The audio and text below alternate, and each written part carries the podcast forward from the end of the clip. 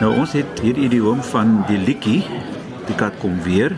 Dit gaan terug na 'n liedjie wat in 1893 deur 'n Amerikaner, Harry S. Miller, geskryf is. Hy was 'n bekende liedjie-skrywer in die tyd en dit is eintlik die liedjie wat hom beroemd gemaak het. Wel, dit is nou nog steeds in die Verenigde State 'n uh, deel van die folk tradition, dis bekend as 'n kinderliedjie.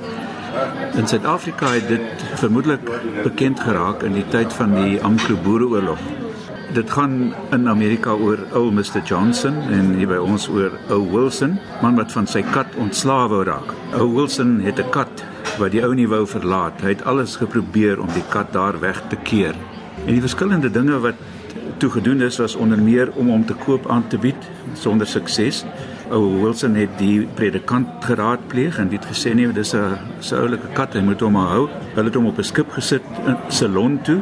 Skip het vergaan met man en muis kan 'n mens maar sê, maar die kat het ook weer teruggekeer elke keer oorleef hy. Ou Wilson het hom bekruip met uh, met sy geweer en dit ontplof en net Wilson se oor het oorgebly. Maar die ding wat die die kat uiteindelik ondergekry het is dat terwyl hy op die stoep gesit het, kom daar 'n uur verby terwyl hy besig is om 'n stukkie kaas te eet, die kat nou en uh hier speel op so 'n draaiorgeltjie en hy sing Britannia en toe slaan die kat dood neer. In die Afrikaanse weergawe is dit 'n Skotsman en die, die skot speel Britannia, die kat skrik hom dood, soos dit in die Afrikaanse lei. En dan kom die kat selfs nog as spook ook weer terug. Dit is eintlik die refrein wat die bekende ding is. Die kat kom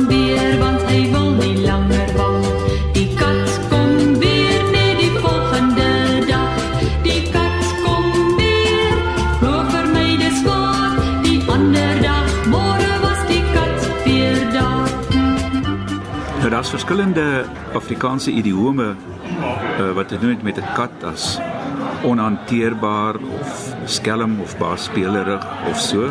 Professor Konradi vertel ook van 'n baie interessante verhaal van 'n kat uit die middeleeuse geskrifte. Die bekende middeleeuse Middelnederlandse diere-epos van den Vos Reinaarde oor die Vos Reinaard is daar nou 'n voorbeeld van so 'n kat wat uh benoude spronge maak. Koning Nobel, die koning van die diere wat nou sy hofdag gehou, vaardig vir Tibet die kat af om vir Reinaard hof toe te bring om te boet vir, vir sy baie wandade.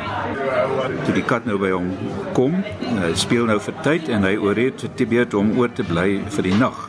Tibet is bekommerd oor wat hy nou sal eet. Toe word hom nou vertel deur Reinhard wat nou weet om in te speel op mense mense of diere se swakhede. Daar's lekker vet muise in die huis van 'n priester hier naby. En Tibet gaan byna deur die dak van opgewondenheid. Maar nou weet Reinhard daar is 'n stryk gestel vir hom omdat hy die vorige dag daar 'n haan gesteel het. En Tibet kruip toe deur 'n gat wat Reinhard vir hom aanwys en hy word in die stryk gevang. Nou Tibet kerm toe luidkeels. Intussen word die huismense wakker en hulle dink hulle het nou die hoenderdief gevang. Die priester begin vir Reinhard met 'n stuk hout toetakel en hy word ook met 'n klip gegooi dat die bloed spat. En toe Tibet sien dat die priester wat nou kaal geslaap het soos destyds die gewoonte was, hom die doodhou wil gee, toe spring hy tussen sy bene in en dien hom met kloue en tande sulke skade toe dat hy lewenslank geskend was. My waarheid sê in die Nederlandse skooluitgawes van die Reinhard het hulle jare lank hierdie deel gesensor en uh dit sou voorgestel as dit die uh, priester se neus was wat in die slag gebly het.